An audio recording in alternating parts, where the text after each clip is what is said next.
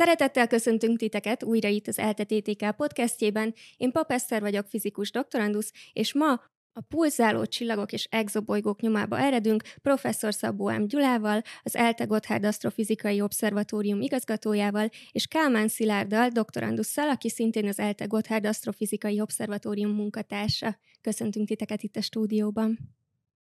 Sziasztok! Sziasztok! Kezdjük is az elején. Mit nevezünk pulzáló csillagnak? Az ifjúság egyre inkább szokott játszani vízbomba nevű játékkal. Az ugye úgy néz ki, hogy egy léggömb szerű dolgot megtöltenek vízzel. És egy ilyen vízbomba esetén megfigyelhetjük, hogy eldobjuk, akkor különböző rezgések alakulnak ki ezen a vízbombának a felszínén. A csillag az nem egy vízbomba, de hasonló módon, hasonló rezgési mintázatok alakulnak ki egy csillag felszínén is. Különböző okokból, nyilván nem azért, mert valaki eldobja de a rezgések ott vannak. És ezek a rezgések, ha egy gáz, izzó gáz golyón lépnek föl, a gáz törvények gondoskodnak róla, hogy ahol összenyomjuk, ott fölfényesedjen, kitágítjuk, ott megfigyelhető fényváltozást eredményeznek. És hát a csillagokat jó messziről nézzük, alig látunk valamit belőlük, tehát egy pici pöttyöt látunk, mondjuk, egy, egy optikai képalkotó távcsével, de azt a fényváltozást, ami abból származik, hogy a csillag rezeg, és ettől a különböző felület elemei különböző méretűek, és különböző hőmérsékletűek, és különböző fényességek, azt látjuk. És azokat a frekvenciákat is látjuk, hogy milyen, milyen jellegű rezgési frekvenciákkal, rezgési gyakorisággal jelennek meg azok a, a, a különböző mintázatok, a egyik oldalról, másik oldalra ellöttyen a gáz, ahhoz tartozik egy hosszabb periódus idejű rezgés, egészen gazdagon felszínt beborító rezgési mintázathoz rövidebb periódus idejű rezgések tartoznak, és ennek látjuk a kombinációját. És ebből próbálunk okos dolgokat mondani. Mondtam, hogy akkor exobolygókról is lesz szó, mert általában a csillagok körül tudnak keringeni bolygók, hogy a nevükben már sejthető, hogy valamin kívüli. Mire utal ez az exo a nevükben? Az, ez egy rövidítés a nevük, az extraszoláris bolygónak, a, extraszoláris bolygót vonjuk össze rövid, röviden exobolygóvá, és ez meg természetesen akkor arra utal, hogy naprendszeren kívüli, tehát nem a nap körül keringő bolygók. Rengeteg csillag körül találtunk ilyeneket. Hogyan lehet észlelni ezeket az exobolygókat?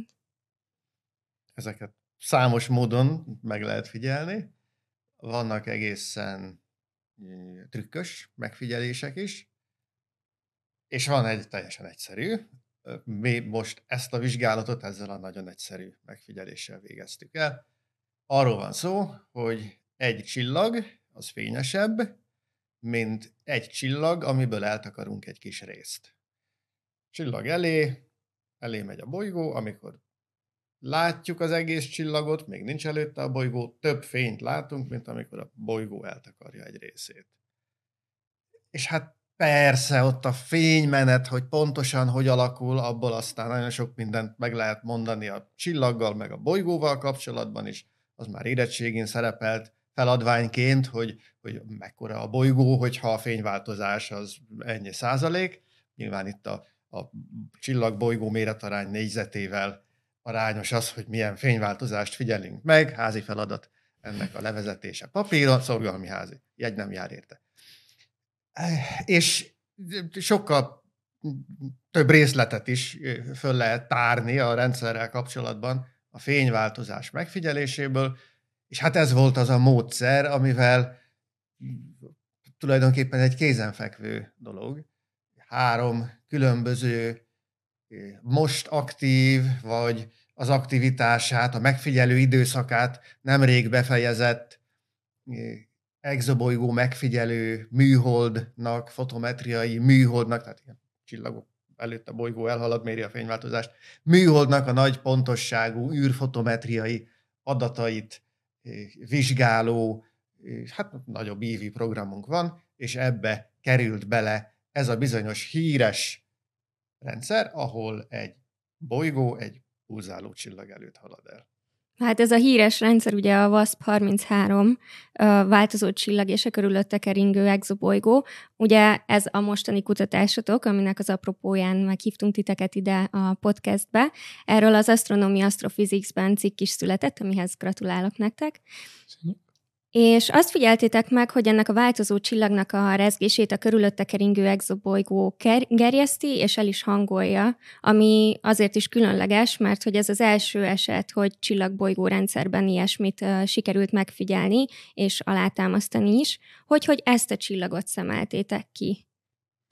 Valójában egy teljesen más jelenségre vadáztunk, és az egy sokkal hosszabb, és még most is folyó analízisnek a része lenne, amit egyébként lassan-lassan majd révbe viszünk, és eközben így szembe jött velünk ez a, a, a áropály gerjesztésnek nevezett jelenség, ami ugye, ahogy azt mondtad, azt akarja, hogy a bolygó az gerjeszti és kicsit elhangolja a csillagnak a pulzációját.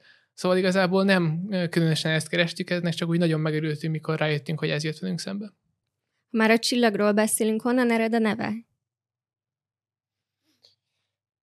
Honnan ered a csillag neve, hogy ennek a csillagnak bolygója van.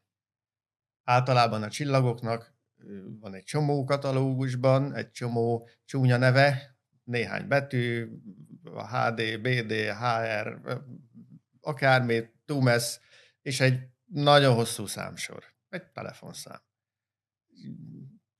Kevés csillagot szoktak szép névvel ellátni, vagy azért van egy rövid, jól megjegyezhető neve egy csillagnak, mert mondjuk fényes és egy szabad szem, mert ez látványos csillag, alfa líré, vagy mondjuk vega. Fölnézünk nyáron, most már lassan nyár lesz, vesetétedik utána egy kicsivel a ég tetején egy nagyon fényes csillag, ég egyik legfényesebb csillaga, őróla van szó. Neki van egy egyszerű neve. Más szabad szemmel látható csillagoknak is szokott lenni egyszerű neve. Ha egy csillag fényváltozása látványos, akkor annak is szokott lenni egyszerű neve. Ezeket a csillagokat már általában, nem mindig látjuk ezeket a csillagokat szabad szemmel. A legtöbb ilyen változó csillaghoz már bűszerekre van szükség. És hát a harmadik dolog, amitől egy csillag kiérdemelheti, hogy, hogy jól megjegyezhető neve legyen, az az, hogy felfedeznek körülötte egy bolygót. És ilyenkor a bolygót nevezik el, Hát nem a felfedezőről, ez igen szomorúvá tesz számos csillagászt, hanem arról a programról, ami a felfedezés céljából létrejött. Egyre inkább hálózati tudomány, kutatócsoportos tudomány a csillagászat is, egyre inkább a csoportoknak a teljesítményei kerülnek előtérbe, egy nagy, nagy műszert megépíteni szintén egy csoportmunka, ott már nem csak csillagászok vannak, mérnökök vannak, mérnökök és informatikusok is vannak, egy ilyen tágtere van a, a, a, a csillagászati műszerfejlesztésben, mindenféle eh, profilú végzettségű eh, és abban résztvevő eh, kutatóknak, mérnököknek, és hát ezt a dolgot elnevezik valahogy. Mondjuk azt mondják, hogy elég nagy a látómezőnk, nevezzük el magunkat Wide Angle Planet Survey-nek. És akkor innen Rövidítve. WASP. És ha ezzel megtaláljuk az első bolygót, akkor majd az lesz a WASP 1. Uh-huh. WASP 1b, hiszen a WASP-1 maga, ez a jelölés betűk nélkül a csillagot fogja jelenteni, és a bolygókat körülötte, ahogy megtalálják, B, C, D, amíg tart az ABC. Még nem merítettük ki. Közepénél se jártunk még az ABC-nek egyetlen rendszernél sem, amit ismerünk. Úgyhogy hát innen kitalálható, hogy a WASP 33 az melyik bolygókereső program hanyadikként felfedezett exobolygó rendszere, és maga a WASP-33 ennek a központi csillaga. És hogyha már a csillag a bolygó miatt kapott nevet, akkor egy picit beszéljünk a bolygóról. Mennyi idő alatt kerüli meg az ő csillagát, és körülbelül mekkora?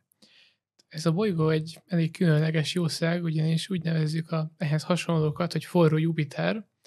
ez azt jelenti, hogy nagyon-nagyon-nagyon kicsi keringési periódussal keringenek a csillagok körül, és emellett nagyon-nagyon-nagyon nagyok. Tehát Jupiter méretileg vagy annál nagyobbak ezek, ilyen bolygókat nevezünk forró Jupitereknek. Eleinte főként ilyeneket fedeztünk fel, így tudománytörténeti érdekességként az elmúlt 30 évre visszatekintve.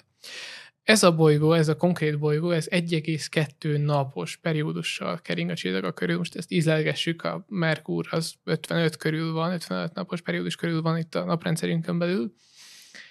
Uh, és ehhez tartozik egy 2,1 Jupiter tömeges méret, ami hát természetesen azt jelenti, hogy akkora, aminek a közelébe látunk semmit a naprendszerben, szóval ezért is nagyon izgalmas.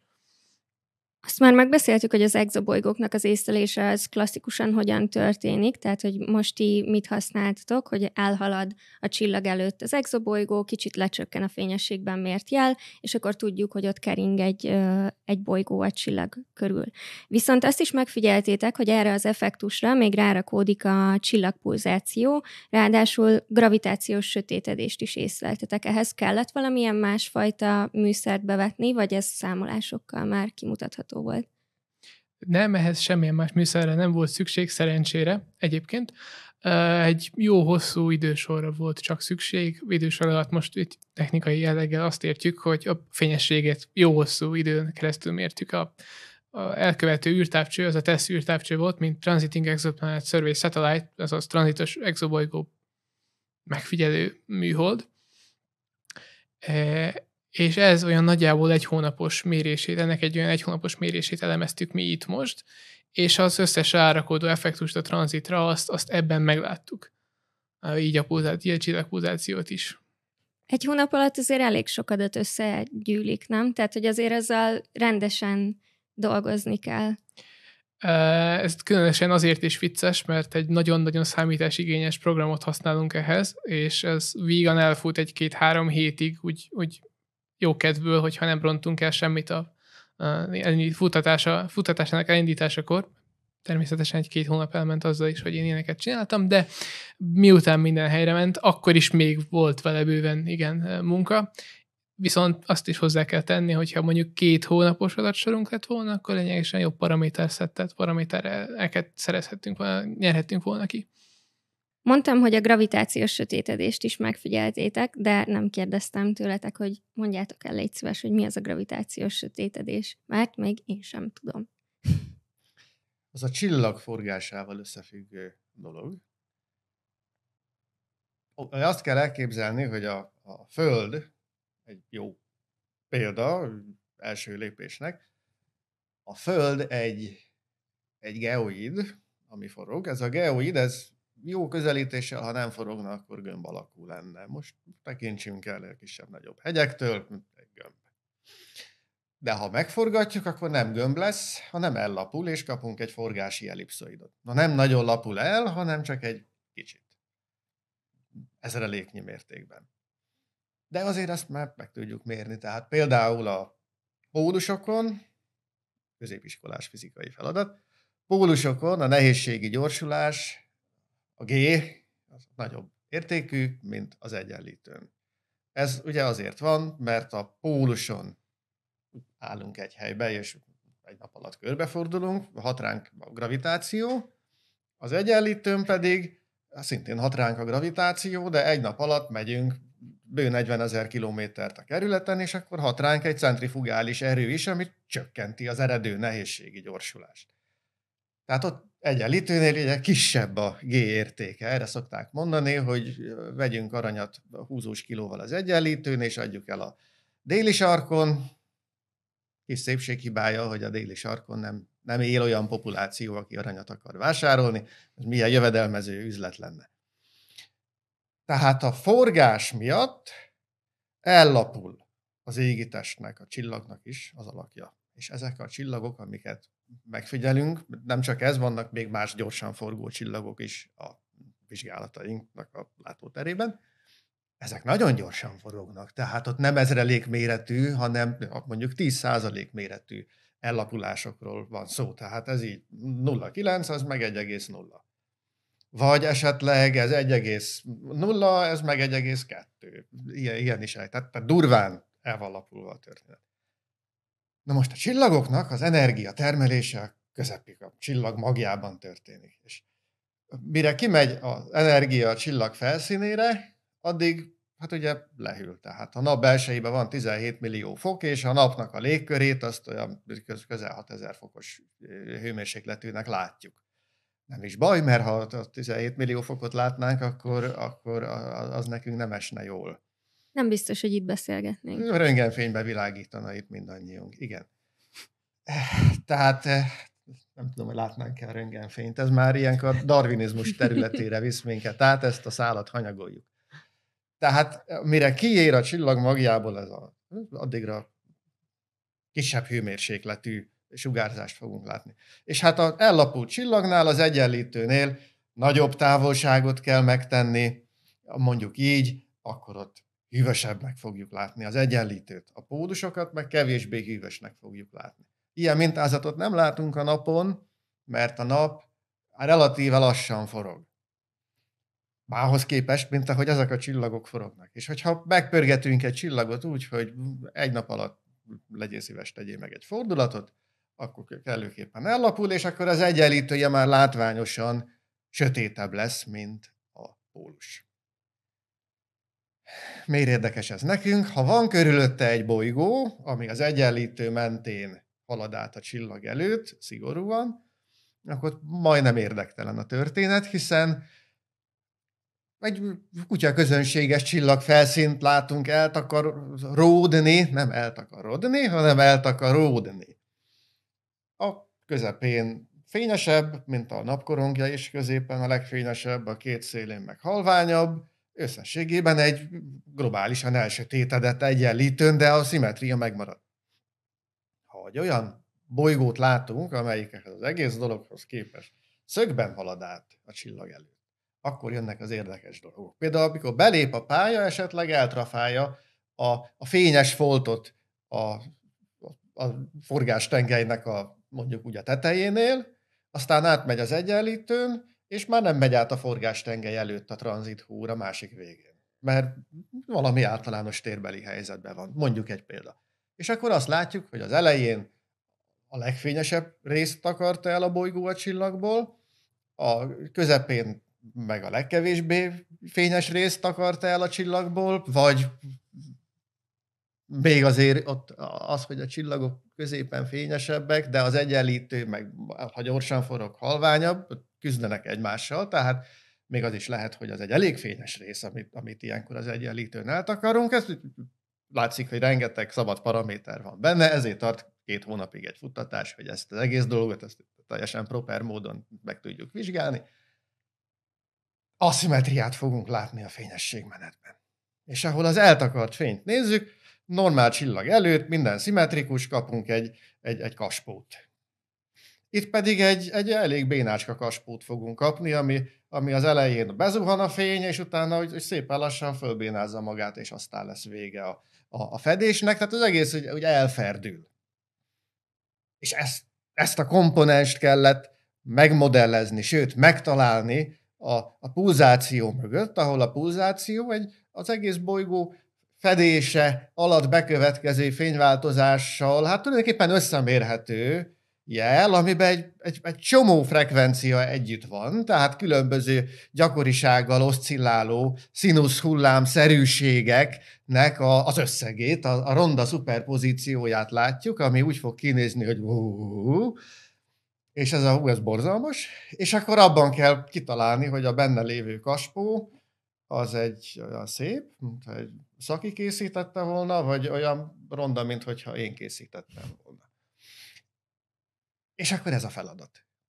De akkor ezek jól elkülöníthetőek? Tehát, hogy melyik az, amelyik a bolygó áthaladását jelöli, és melyik ez a pulzáció? Nagyságrendben ezek eléggé különböznek? Vagy még ezen is kell dolgozni, hogy ezt el lehessen különíteni? Ha nincs pulzáció, és elég nagy a jelenség, akkor elnézésre ezt lehet látni.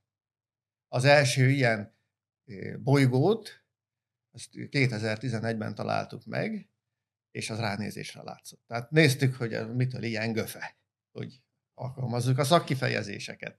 És a napokon keresztül törtük a fejünket, mire rájöttünk, hogy, hogy mit ül ilyen göfe. azóta már ismerünk további példákat is. Ha, ha csillag pulzáció jelen van, akkor viszont nagyon nem, nem egyértelmű a történet. Tehát ott ténylegesen a számítógép heteken keresztül, amíg a alszik, az algoritmus dolgozik, megpróbálja eldönteni, hogy az ott van-e, vagy nincs ott. És akkor most, amit figyeltetek, annál akkor pont ez volt, hogy nem az egyenlítőn halad keresztül a bolygó, hanem akkor ezt a jelet kellett valahogy megkeresnetek. Pontosan így van, ez egy olyan különleges konfigurációjú, tehát csupa különlegességekkel van tele ez a rendszer egyébként, ez egy olyan különleges konfigurációjú csillag-bolygó páros, ahol szinte poláris a tranzit, ez azt jelenti, így egyszerűen megfogalmazva, hogy Ugye a naprendszerben azt látjuk, hogy minden bolygó az nagyjából egy síkban kering, és ezek, ez, ennek ez a sík, nak a merőlegese, ennek a normálisa, ez párhuzamos a napnak a forgástengelyével, úgy nagyjából. Ez azt jelenti, hogy mindegyik, ha egy idegen civilizáció, amiről nem tudjuk, hogy létezik, természetesen figyelne meg, figyelné meg a naprendszert, akkor azt látná, hogy mindegyik a nap, e, e, minden bolygó a napnak a, a egyenlítői síkjában halad el. Viszont itt meg ugye azt látjuk, hogy az egyébként nagyjából látóirány, szinte, látóirányba bedöntött forgástengely, tehát mondjuk egy 45 fokos forgástengely, csillagforgástengely mellett a bolygó az, az a pólus, csillagpólusaink megy keresztül minden alkalommal, szinte teljesen a pólusaink minden alkalommal, amikor látjuk a tanítokat, tehát mikor látjuk ezt a kis fényesség csökkenést. Szóval ezért olyan különleges ez a gravitációs sötétedésnek nevezett jelenség, mert ez, a, ez az egyetlen módja, amikor ezt fotometriai úton meg lehet állapítani, hogy hogyan is áll pontosan ez a konfiguráció. Ezért is örültünk többek között ennek a rendszernek és ennek a felfedezésnek és elemzésnek. Még felvetődött bennem egy kérdés, hogy mi készített arra egy csillagot, hogy ő pulzáljon? Ahogy szokták mondani, igen. Tehát akkor nem annyira egyszerű a válasz erre a kérdésre. Erre a kérdésre a válasz az egy szemesztert kitöltő egyetemi kurzus szokott lenni. Általában a csillagoknak a pulzációját a, a csillagoknak a lelki világa okozza. Hogy fogalmazzam meg? Tehát a, a csillagnak a, a felső részében, ami a jó nagy részét jelenti a csillagnak, a csillag légkörnek nevezett részben, a kellemes 6-7 ezer fokos hőmérsékletektől, ahogy lefelé haladunk, elkezd a hőmérséklet növekedni. És egy pulzáló csillag esetén kisvártatva, nem, nem nagyon mélyen, bekövetkezik egy olyan zóna, ahol a hidrogén ionizálódik, elveszti az elektronját. Most a hidrogén a szintelen szaktalan szúrószagú gáz, nem, a szúrószagú az nem. Tehát egy, egy szintelen szaktalan gáz, de ne szagolgassuk, mert nagyot pukkan.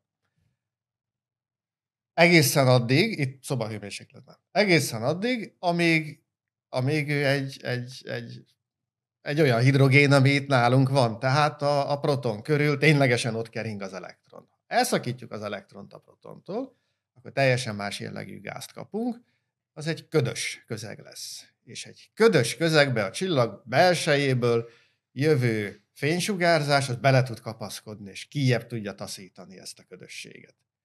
Erre kijebb taszítódott, jönnek a gáztörvények, az egész lehűl, lehűlt, akkor az elektronok belépnek a protonok mellé, és kialakul az a hidrogén, amit mi a duranógáz gyárt a tanár kémia órán, és akkor látjuk, hogy nem látjuk. És utána már ebben nem tud belekapaszkodni a csillagsugárzás, de akkor ő már kintebb van, mint a csillag egyensúlyához tartozna, tehát elkezd esni befelé. Amitől fölmelegszik, amitől elveszti az elektronját, amitől megint ködös lesz, és a... így. És akkor járja ezt a pulzáló táncot a csillag. Így van. Pontosan. Így van. Uh, viszont tehát azt beszéltük, hogy akkor uh, megvannak ezek a pulzációk ennél a csillagnál, amit most figyeltetek, de valahogy mégiscsak befolyásolja a kis bolygó ezt a pulzációt. Hogyan, mit figyeltetek meg? Szögezzük le, nem kis bolygó, ez egy nagyon nagy bolygó.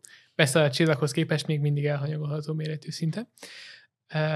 Azt láttuk, hogy bizonyos frekvencia komponenseket, ugye azt az imént hangzott el, nagyon sok színusz-szerű, de legalábbis színusznak gondolt valaminek a kontribúciója van jelen itt a fénygörbében, olyan összesen 30 talán. Na most ezek közül néhányra, vagy és ismét a szakterminológiához folyamodok, aztán majd megbeszéljük ennek a részleteit, néhányra azt láttuk, hogy ezek feltűnően közel esnek a keringési felharmonikusokhoz, vagyis a keringési frekvenciának a többszöröseihez, vagyis ez az 1 per 1,2 napnak a többszöröseihez. Ebből meg arra következtettünk, részben ebből arra következtettünk, hogy akkor ez, ez, ez nem, nem lesz a véletlen műve, ezt támasztottuk alá a mindenféle statisztikai műveletekkel, amikben most nagyon nem fogunk belemenni. Ebből minden esetre arra, arra következtettünk, hogy akkor az a csillagpulzáció, ez tud a bolygóról. Vagyis a bolygó ezt befolyásolja. Az nem egy precíz kifejezés, hogy gerjeszti, mert az egy más jelenség lenne. A precíz kifejezés, legalábbis most ezt gondoljuk, az azt jelenti, hogy az úgy szólna, hogy perturbálja. És akkor erre az elhangolja egy szintén kiváló uh, meg, megfogalmazás, ugyanis nem arról van szó, hogy azért pulzál a csillag, mert ott a bolygó, imént hallgattuk meg a pulzációs mechanizmus, nem erről van szó, az árapályerők hatására a csillagnak a felszíne tovább torzul. Nem csak az, amit már megbeszéltünk, egy gravitációs sötétedés, és ellaposodik, és forróbb a és egyebek, hanem még ahogy a bolygó elhalad a csillaga előtt, úgy kicsit megrángatja azt. Most ilyenkor jelenik meg a, ráadásul kettő darab árapály púp, és azt gondoljuk, hogy ez az, ami uh, aminek a, a csillagon való végigmozgása az, ami befolyásolja azt, hogy tulajdonképpen uh, milyen pulzációs frekvenciákat is látunk, vagy legalábbis milyeneket látunk jelentősebbnek, milyeneket látunk nagyobbnak. Nem minden, mind nagyjából 30 frekvencia komponensnél láttuk azt, hogy van ilyen jelenség, viszont soknál. Tehát háromnál biztosan, és ugye egyébként is arra utal a spektrum magában, a Fourier spektrum, azaz a frekvenciák függvényében ábrázolt amplitúdója a pulzációnak, hogy e, úgy jelen van ez a, ez a bolygó, és úgy tud róla a csillag. Szóval ezt mindenképpen el lehet mondani. És kik vettek részt még a, ebben a hatalmas kutatásban? Hát a biobszervatóriumunkból is többen, és Szegedi Tudományegyetemről is ottani fiatal kutatók vettek ebben részt. CFK Csillagászati Intézetben, Konkoli Obszervatóriumban lévő, lévő kutatók is. Szilárd vezette a népes társaságot. Milyen volt doktoranduszként vezetni egy ekkora kollaborációt? Hogy is fogalmazok, teljesen mindennapos, semmi különlegeset nem vettem én ebből észre. A kolléganő, aki ezeknek a változó csillagoknak a nagy szakértője, vele így szobából szobába átkiabálással kommunikálunk, tehát nem volt különösebb nehézsége ennek, szóval igazából ment minden a maga módján, aztán megbeszélték, hogy ki mit kontribútál, ki mit tesz hozzá, és végül összeállt. Az ábrákat néztem is az LTTK-s hírben, hogy azt Pál Bernadett csinálta. Talán azok egy kicsit jobban segítik a megértést, úgyhogy a hallgatóink mindenféleképpen nézzék meg az eltés híreket. Be fogjuk linkelni ez alá, és akkor ott meg fogják találni. És akkor visszacsatolva a, a jövőre való tervekhez, mik a terveitek? Oh, minden. Több nap, mint kolbász és hasonló egyéb hogy is fogalmazzak, jó, jószerű mondások, én nagyon sok mindent szeretnék idén még kitekerni saját magamból a szexobolygók terén, de az idő beosztás az ezt nem feltétlenül engedi meg. Minden esetre már van több pályázatunk is, újabb távcső időkre, újabb mérésekre, remélhetőleg lesz újabb mérés erről a WASP-33 rendszerről is, meg úgy ezt így megsúgom, hogy van egy teljesen hasonló másik rendszer is, amiről még senki nem tud nagyjából, és arra is pályáztunk nagyon sok felé, úgyhogy remélhetőleg azoknak is a, a pályázatok közül legalább valamennyi nyerni fog, és akkor azt is hasonló sikerekkel és hasonló lelkesedéssel fogjuk majd elsütni, mint, mint jövőbeni program, de alapvetően én korlátoznám magam a mindenféle exobolygós eredményeknek a feltárására és publikálására, ez a stratégia, ez a terv. Sok sikert kívánok hozzá! Milyen más projektek vannak az obszervatóriumban? A Gotthard Obszervatóriumban az exobolygászat területén is különböző űrtávcsöves programokban veszünk részt.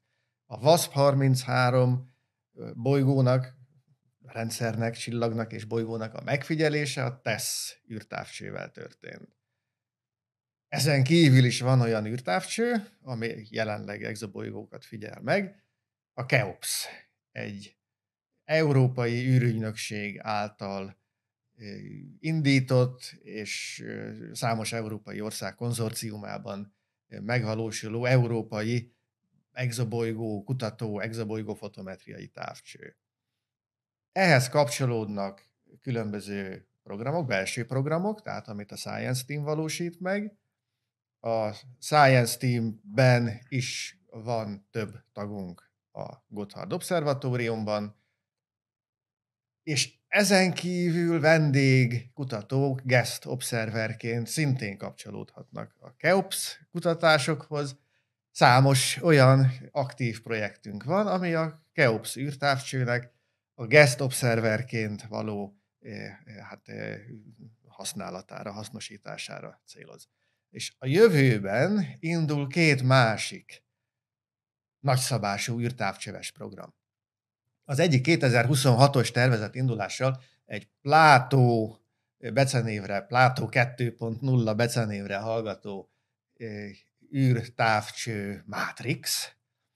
Ez 28 kisebb távcsövet fog tartalmazni, hát mint egy grandiózus teleobjektív, úgy kell elképzelni ezeket egyesével, de lesz belőlük sok és egy óriási jégterületet fog megnézni, úgyhogy átlapoló mezők is vannak, ami nagyon jó, mert überkalibrációkat lehet csinálni, és akkor olyan fotometriánk lesz, mint ú, senki másnak.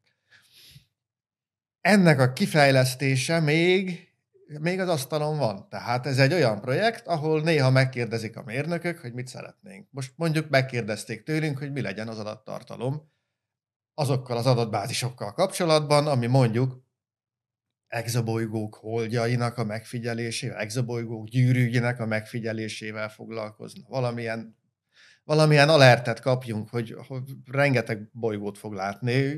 Ez az a néhány, ami, ami, ami ilyen szempontból gyanús. Hogy érjük ezt el?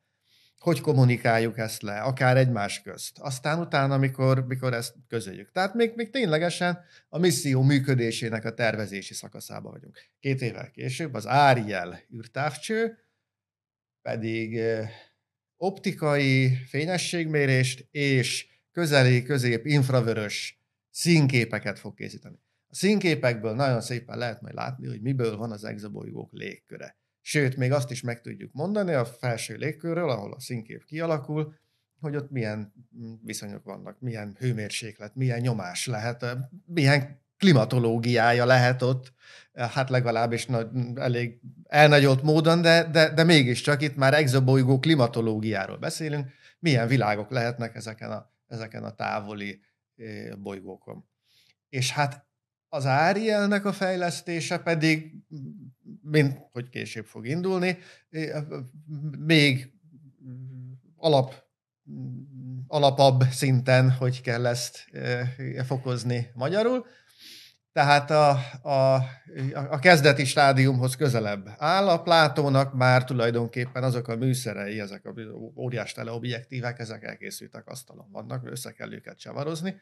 Az Árielben még ténylegesen konkrét hardware fejlesztési kérdések vannak. És megkérdezik tőlünk a, a mérnökök, hogy mit csináljunk, inkább ezt, vagy inkább azt, melyik, melyik meg, megfigyelés, vagy vagy melyik megfigyelt dolog legyen inkább pontosabb, ha mondjuk egyikre koncentrálhatunk, vagy a másikra, kutatási programba, tudomány szempontjából melyik hasznosabb. És akkor erre válaszolnunk kell. És akkor azt mondjuk, hogy azt szeretnénk, hogy ez legyen 70 pont, ez meg legyen 30. És akkor esetleg mondják a mérnökök, hogy készen van, van egy jó hírünk, meg egy kevésbé jó készen van, 70-30 helyett ott tartunk, hogy 60-28 ennél jobb nem lesz, mi maradt meg a tudományotokból. És akkor a, a tudós társaság, a kutatók, szokták mondani, a tudós az a kutató, aki már meghalt, tehát a kutatóknak a társasága összeül, és akkor azt mondjuk, hogy jó, akkor ezek a legérdekesebb targetek, és ezeket biztonsággal meg tudjuk figyelni, vagy valami kicsit átalakítjuk a megfigyelési programot.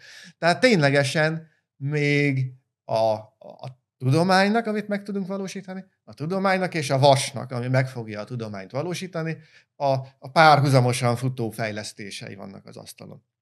Azt végigcsináltuk a Keopszal, 2012-től egész az indításig, 2020-ig, 19 legvégén indult. a Plátóval is már tulajdonképpen túljutottunk ezen a szakaszon, most az Árielben vagyunk, Áriellel vagyunk ebben a szakaszban. És ez egy, egy nagyon fontos dolog, ezt én számtalan helyen el szoktam mondani, ez nyeli az embernek a, a munkaidejét, meg az energiáját, meg a koncentrációját, és bele kell tenni 8-10 évet, és a kimeneten az látszik, hogy mit csináltatok, dolgoztunk. Két hogy benne később, van ez a 8-10 év. Továbbra is dolgoztunk. De a végén ott lesz a vas. És a, a, elindul a vas, és akkor azt fogják mondani, hogy akik eddig részt vettek a fejlesztésben, azok fogják a kutatási programokat vezetni ezzel a vassal. Tehát ez tényleg egy, egy, egy olyan dolog, amit nem tudom, hogy egy fiatal kutató számára nyilván perspektíva, önmagában meg nyilván nem, tehát oda kell tenni olyan dolgokat, amiből ténylegesen meg lehet szerezni azt a tudománymetriát, hogy az ember a, a doktori téziseit megvédje, de mégis egyfajta karrier beindításának a lehetőségét ígéri, hát rendesen bele kell lapátolni a hittel elvégzett kemény tíz évnyi munkát, de utána ennek az eredménye nem fog elmaradni. Ha már itt a fiatal kutatókról beszéltünk, vagy hát szóba kerültek, hogyan lehet hallgatóként csatlakozni ilyen kutatásokhoz? Ez egy nagyon jó kérdés, én nagyon szerencsésnek érzem magam, mert olyan témavezetőm van, aki minden ilyen európai szintű akármiben benne van, és nem a legutolsó utáni szerepben. Minden esetre sokat kell tevékenykedni, és aktívan kell tevékenykedni, és ügyesnek kell láttatni magát az embernek, és akkor előbb-utóbb ez megtalálják az ilyen embereket, akik, ezt, ezt, akik erre hajlamosak. A, a, egy bónuszpont, még hogyha ennyit megengedsz, Gyula, hogy hozzátegyem, a, ugye itt nálunk házon belül, mondjuk így a Gotthard Obszervatóriumban, ne, természetesen nem a csavarozás része zajlik a távcsöveknek, azt valahol Hollandiában és egyéb helyeken csinálják.